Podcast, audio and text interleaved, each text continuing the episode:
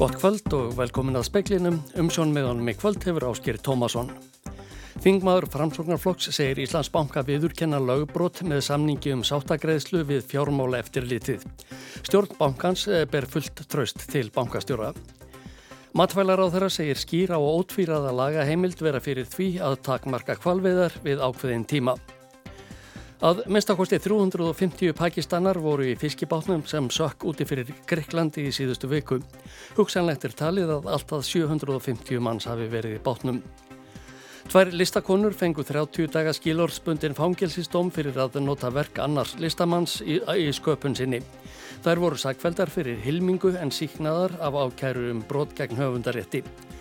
Starfshópur matvælaráþara um strókulagsa vil stopna sérstakar rannsóknarnemnd og veita matvælastofnun heimild til að telja lagsa upp úr kvíum vakni grunur um strók. Ágúst Bjarni Garðarsson, þingmaður framsóknarflokks og fyrsti varaformaður efnahags- og viðskiptanemndar, hyggst óska eftir fundi í nemndinni í næstu viku eftir að sátt Íslandsbanka og fjármála eftirlits Sæðlabankans hefur verið byrt. Íslandsbanki hefur fallist á bóð fjármála eftirlitsins um að greiða tæplega 1200 miljóna krónar sagt vegna annmarka á sölu hlutar ríkisins í bankanum í fyrra. Ágúst Bjarni segir Íslandsbanka viðurkenna lögbrot með samningi um sáttagreðslu.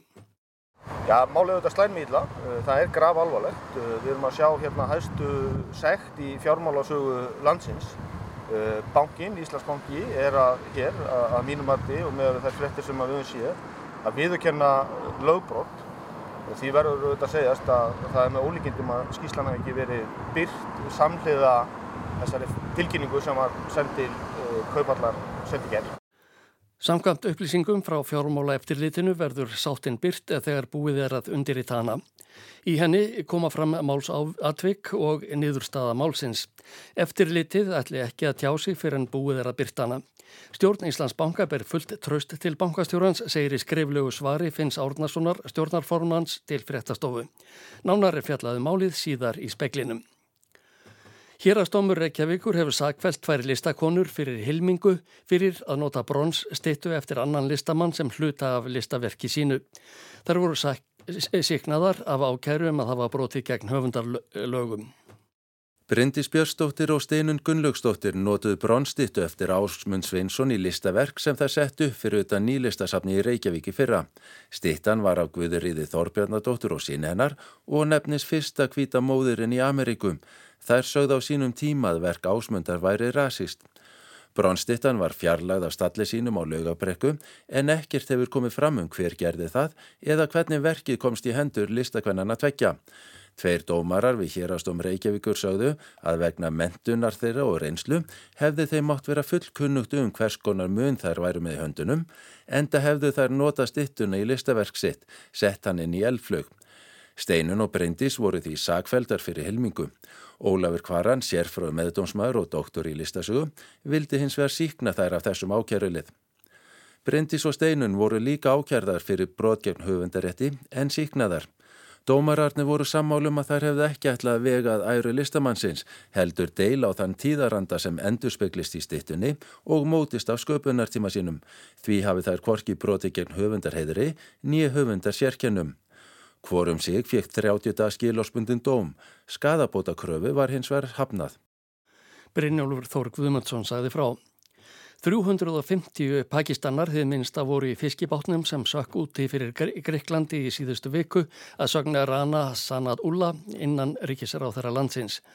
Hann byggir það á fjölda fólks sem hafði stótt um hjálp eh, frá ríkinu og fjölda þeirra sem hefðu tekið DNA-próf vegna slissins. Staðfest er að 82 létust í slissinu og 104 var bergað. Þaraf voru 12 pakistanar. Talið er að báturinn hafi haldið af stað frá Egiptalandi og sótt farþega í borgina Tobruk í Líbíu. Saminuðu þjóðurinnar segja að alltaf 400 til 750 manns hafi verið um borði í fiskibátnum tróðuna sem sökk um 80 km suðvestur af bænum Pílos í Greiklandi. Slísið er hefð mannskæðast á miðjarðarhafi í síðustu ár. Starfsópur matvælar á þeirra vil taka fastar á strókulöksum með því að herða eftirlit og auka kröfur til fyrirtækja í sjókvíja eldi. Samtökum fyrirtækja í sjávarútvegi líst ágætlega á. Talsmaður Íslenska náttúruvendarsjóðsin segir hert eftirlit og tækni lusnir ekki nóg. Þeir sem renna fyrir lags í ámlandsins þurfa að vera á Vartbergi og tilkynna til fiskistofu eða hafró telli þessi hafa fengið eldislags á öngulinn. Lagsar sem sleppa úr sjókvíum eru ókn við vilda lagsastofna og töluvert hefur sloppið. Starfshópur matvælar á þeirra kynir nú 24 tillögur sem eiga sportna gegn stróki úr kvíum. Starfsópurinn horfið til regluvers í Noregi og vill í stuttumáli herða kröfur til fyrskældisfyrirtækja og ebla eftirlit matvælastofnunar með greininni. Einn tillagan lítur á því að matvælastofnun fái heimild til að tellja upp úr kvíum ef grunur er um strók og sömulegðis kemur til greina að stopna sérstakar rannsóknar nefnd til að rannsaka tilvik þar sem lags sleppur í stórum stíl.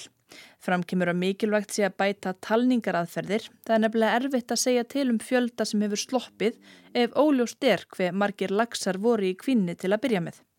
Sigur Geir Barðarsson, lögfræðingur hjá samtökum fyrirtækja í Sjávaru 2, segir niðurstöðu starfsópsins rýma ágætlega við nýlega skýrslu ríkisendurskoðunar.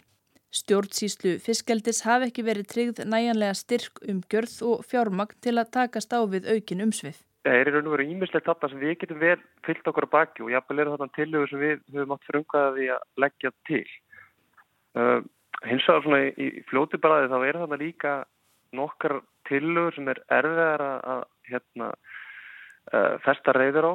Uh, það er að hluta til óutferðar og kannski svolítið erfitt fyrir okkur að taka mjög skýra afstuð til þeirra á þessu stíi. Til dæmis Tillögur um lámastar segða við útsetningu. Jón Kaldal, talsmaður Íslenska náttúruvendarsjóðsins, segir bráðu nöðsynlegt að laga umgjörðum sjókviðeldi en hátækni lausnir hafi þó ekki komið í veg fyrir að 80.000 lagsar slupp úr eldi arnarlags í fyrra. Það er eina sem dögar til að tryggja hagsmunni eh, lífríkisins en senlega setjum sólalags ákvæði og þannig að sjókviðeldi í opnum nöttapunum verður senlega hægt á einhverjum árum. Þannig að það sé bara ómögulegt að stunda sjókvíða eldi uh, eh, án þess að fiskur sleppi. Það sé eina leiðin bara að hætta því. Í, í með þessari tekni sem nú er notuðum allan heim uh, í opnum nötapókum, þá verðast leysinn alltaf. Saði Jón Kaldal, Arnildur Háldánardóttir eh, rétti við hann og Sigur Ger Bárðarsson. Dómar yfir sagborningunum 5 í saltdreifaramálinu svo kallaða voru mildaðir í landsrétti í dag. Þeir sem hlutu þingstur efsingarnar fengu tíu ára fangelsi hvor. Hérastómur Reykjavíkur hafið dæmt á í 12 ára fangelsi. Málið snerist meðal annars um innflutning á 53 lítrum af amfetaminvökva sem var falin í saltdreifara sem var fluttur hinga til lands. Vökvinn var notaður til að framleiða yfir 100 kíló af fíknefnum. Svandis Svavarstóttir, matvælar á þeirra, segir skýra og ótvíraða laga heimild vera fyrir því að takmarka kvalviðar við ákveðin tíma. Ráð þeirra og starfsfólkaraðunnitisins mætti á fund atvinnuvegar nefndar alþingis í dag til að ræða frestun kvalviði vertíðar. Svandís var þráspurð af nefndarmönnum um tildraug ákvöruna sinnar.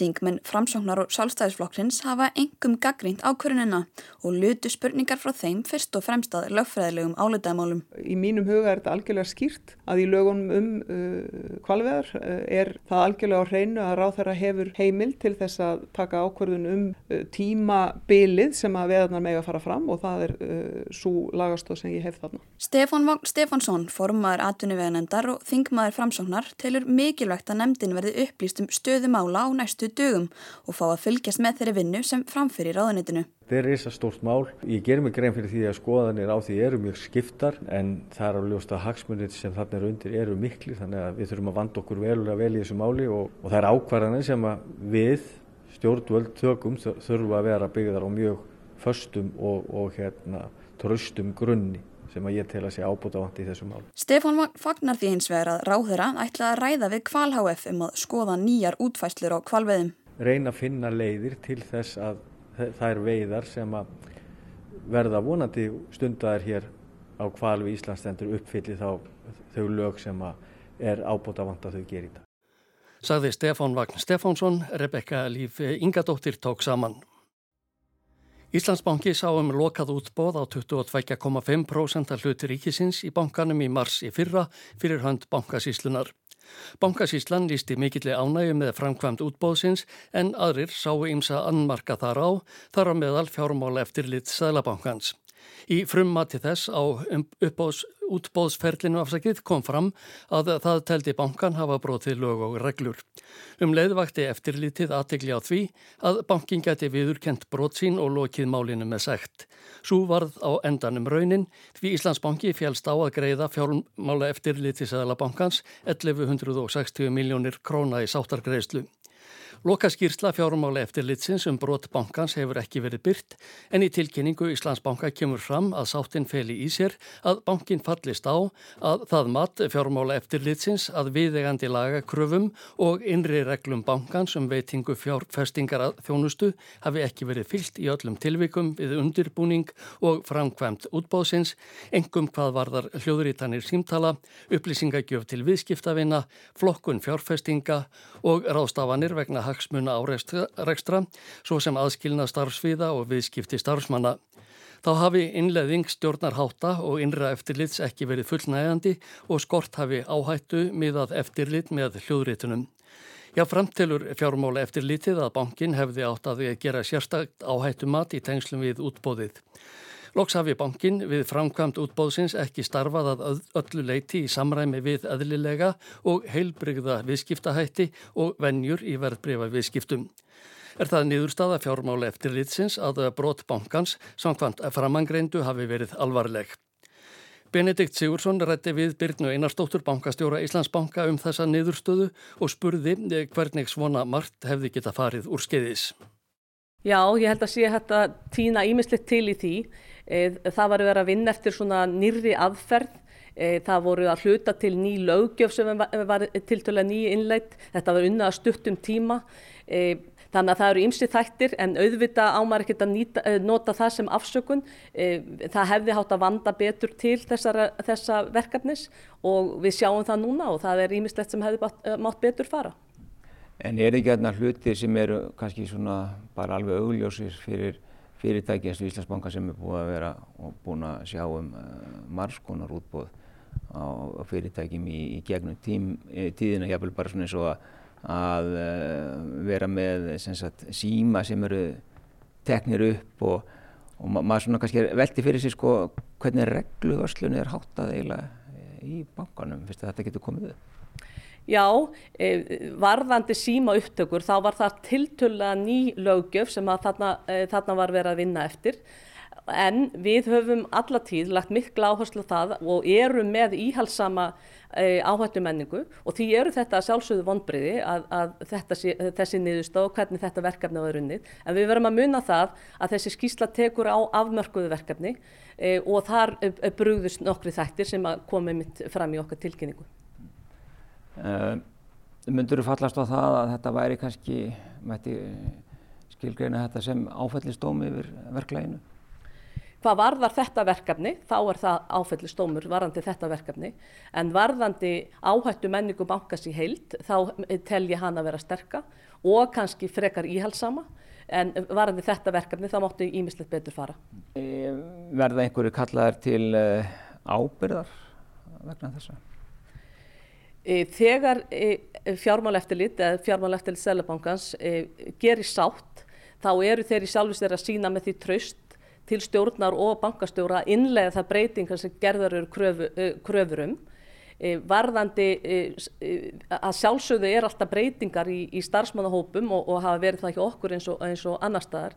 Þannig að, að við draugum svo sannlega lærdom af því að, að af þessu verkefni og förum e, að fullum þunga í þær úrbætu sem þarf að, að, þarf að gera og til þess bara að við séum með áfram þessa góðu, sterku, íhalsömu áhættu menningu. Ertu búin að ræða þetta mál við stjórnina? Fyrir ekki þar að segja þessa sátt? Það var náttúrulega stjórnin sem tekur ákverðnum það að þykja þetta sáttarboð fjármálettilsins. Hefur þú íhugað eitthvað þínastöðu? Ég e, er að fullum þunga að innlega þessar breytingar sem að gerðar eru kröfu, kröfurum og alltaf halda því verkefna áfram. Það kemur fram að, að reglum var ekki fyllt vegna viðskipta starfsmanna. Það hafi því ástæðu til að, að ætlast að einhverju starfsmenn uh, bankans uh, hafi uh, hagnast um frá það sem eðlilegt er vegna þess að reglum var ekki fyllt. Það sem kemur fram er að e, viðtakar hagsmunamat hefði átt að vinnast sem hefði hugsanlega og líklega leitt til þess að við hefðum ekki gefið e, starfsmönnum e, það leifi að, að taka þátt í þessu útbóði út af því hversu mikil svona orðspors áhætta fylgdi því. En spurningin var þessi haldið þið að einhverju starfsmenn hafi hagnast á því að reglum var ekki fyllt út í hörgul? Kanski hafið þið kannad hvort að einhverju starfsmenn hafi hagnast umfram uh, það sem eðlert getur talist vegna þess að reglum var ekki fyllt? Ekkert umfram aðra þá sem tóku þátt í þessu útbúði. Þetta sagði Birna Einarstóttir. Í yfirlýsingu frá Bankasíslu ríkisins nú síðdeis segir einfaldlega að Bankasíslan hafi enga aðkomu haft að sátt Íslandsbanka og fjármóla eftir litsins vegna málsins og að hún hafi ekki verið upplýst um framvindu málsins. Þar sem sáttin hafi enn ekki verið byrt geti Bankasíslan heldur ekki lagt sjálfstætt mat á þá annmarka sem kunni að hafa verið á vinnu Íslandsbanka í tengslum við útbóðið. Arnildur Haldanardóttir bar þessar nýjustu vendingar í Íslandsbankamálinu undir Ágúst Bjarnar Garðarsson, þingmann framsóknarflokksins og varaforman efnahags- og viðskiptanemdar Alþingis. Já, málið auðvitað. Uh, það er graf alvarlegt. Við erum að sjá hérna hæstu sekt í fjármálasögu landsins. Bankin, Íslandsbanki, er að hér að mínum mati og með þær frettir sem við höfum séð að viðurkenna lögbrott og því verður auðvitað að segjast að það er með ólíkindum að skýslan hafi ekki verið byrt samhliða þessari tilkynningu sem var send til uh, kaupallar sendi gerð. Vanda mikið upp á öll kurl sem við komum til grafar í þessu máli? Ég held að við þurfum bara að býða og sjá. Við þurfum auðvitað þingmenn, við þurfum að fá skýsluna, við þurfum að fjallum hana á, á vettvangi þingsins. Uh, ég ger bara ráð fyrir því að efnars og viðskiptanend fái málið til umfjallunar og mæntalega mun það gerast í, í næstu viku. En ég auðvitað líka skora bara stjórnundu bankans að gera bara hreint fyrir sínum dyrum. Ég tel að það sé uh, mjög mikilvægt. Finnst þér einhver þurfa að axla ábyrð með, með öðrum hætti en hefur verið gert?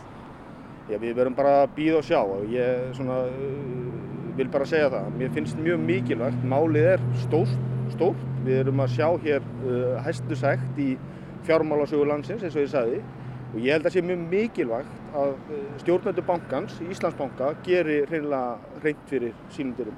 Eh, þú talar um, um lögbrót, heldur að bankin hafi sloppið vel frá þessu? Já, auðvitað er hægt að vera með ímsar mangaveltur en við, við höfum auðvitað bara þessar fréttir og, og þessar tilkynningu sem að bankin sendi í gæðir. Við þurfum að fá skýsluna og við þurfum að geta rýntana og farið yfir en ég held að það sé alveg augljóst að með þessari sátt er bankin að viðurkenna uh, ákveðin lögbrót en, en við þurfum að sjá hvaða brot það eru nákvæmlega og hvernig þau voru tilkomin. Þú ert búin að búa til fundar í, í efnaðars- og viðskiptanend? Það er ekki búið að búa til fundar en það er alveg ljóst að það verður, uh, það verður búa til slíks fundar. Uh, líklega verður það uh, snemma í, í, í næstu viku. Þetta sagði Ágúst Bjarni Garðarsson. Arnildur Haldunardóttir rætti líka við Ardísi Önnu K. Gunnarsdóttur var að mann pírata í stjórnskipunar og eftirlitsnemnd og indi hana eftir viðbröðum við tíðindum gerdagsins. Þetta breytir auðvitað engu um þá kröfu sem við höfum gert og gerum enn um það að það verði sett að fóta rannsóknar nefnd til þess að kafa ofan í kjölina á þessu máli og í rauninni hefur hvert, hver niðurstaða og fætur annari í rauninni bara varpað enn skýrar að ljósa á það það þarf að, svo noti orðalag stjórnar þingmanna sjálfra, velta við hverjum steini sem hefur ekki verið gert. Rannsóknar nefnd er í rauninni eini aðilinn sem að hefði allar þær heimildur og þau tæki sem þarf til til þess að komast til botts í því uh, hvað var rangt gert í þessari sölu. Það eru þetta allar viðverunabjöllur ringjandi og þetta er bara einn í viðbútt. Er einhver ákveðin stein sem er þér svona ofarlega í huga sem þarf að velta við? Einhver ákveðin atriði sem þurfti að skoða betur? Við auðvitað frá upphafi bentum til dæmis á það að það væri vafi, leki vafi á um hæfi fjármálar á þeirra í þessu máli. Það var blásið á þær áhyggjur framanaf en síðan kemur umbósmaður alþingis og hefur þær sömu áhyggjur og hefur veriðist hafa enn. Það er auðvitað bara eitt þáttur af mörgum. Það er auðvitað marga spurningar sem er ósvarað og ítalega, við höfum fært ítalega raukstunning fyrir nöðsin rannsóknarnemndar í þessu máli í til dæmis minni hluta áliti okkar í stjórnskipunar og eftirlitsnefnd. Hvaða möguleika hafið þið núna því að nú hefur stjórnskipunar og eftirlitsnefnd lokið sinni umfyllun um málið. Það var ekki samþygt þetta álit minnihlutans eða þessi vilji minnihlutans þess að koma á fótur rannsóknarnemnd. Hvað getið þið gert? Við höldum auðvitað áfram að gera þessa kröfu og hlutir halda áfram að koma í ljós eins og við hefum séð og þessari aðtugun er ekki lókið. Vistu við því að það verði einhver, einhver sprengja eftir að skýsla fjármála eftirlitsins verði byrst? Þetta snýst kannski ekki endilega um það hvort það verði einhver sprengja eða ekki. Við teljum bara hagsmunni Íslendinga knýja á um það að það verði farið ofin í kjölinu á þessu málu og öllum spurningum verði svarað. Ég held að þjóðin eigi bara einfallega rétt á því. Þetta sagði Artís Anna K. Gunnarsdóttir í viðtali við Arnhildi Haldánardóttur.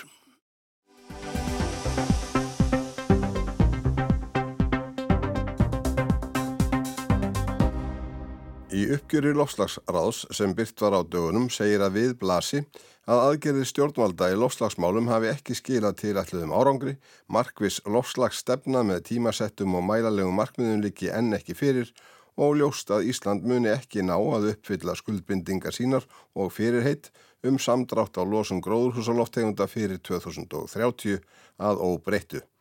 Brínt sé að grípa til skjótra úrbóta og aðgerða og til að greiða fyrir þeim leggur ráðið til að stjórnsísla lofslagsmála verði færð á neyðar stig.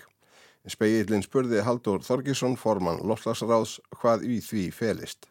Það fær, fælst fyrst og ennst í því að, að það sé svona sólarhengsvakt. Ég nota þetta bara svona í svona óeinleiri merkingu.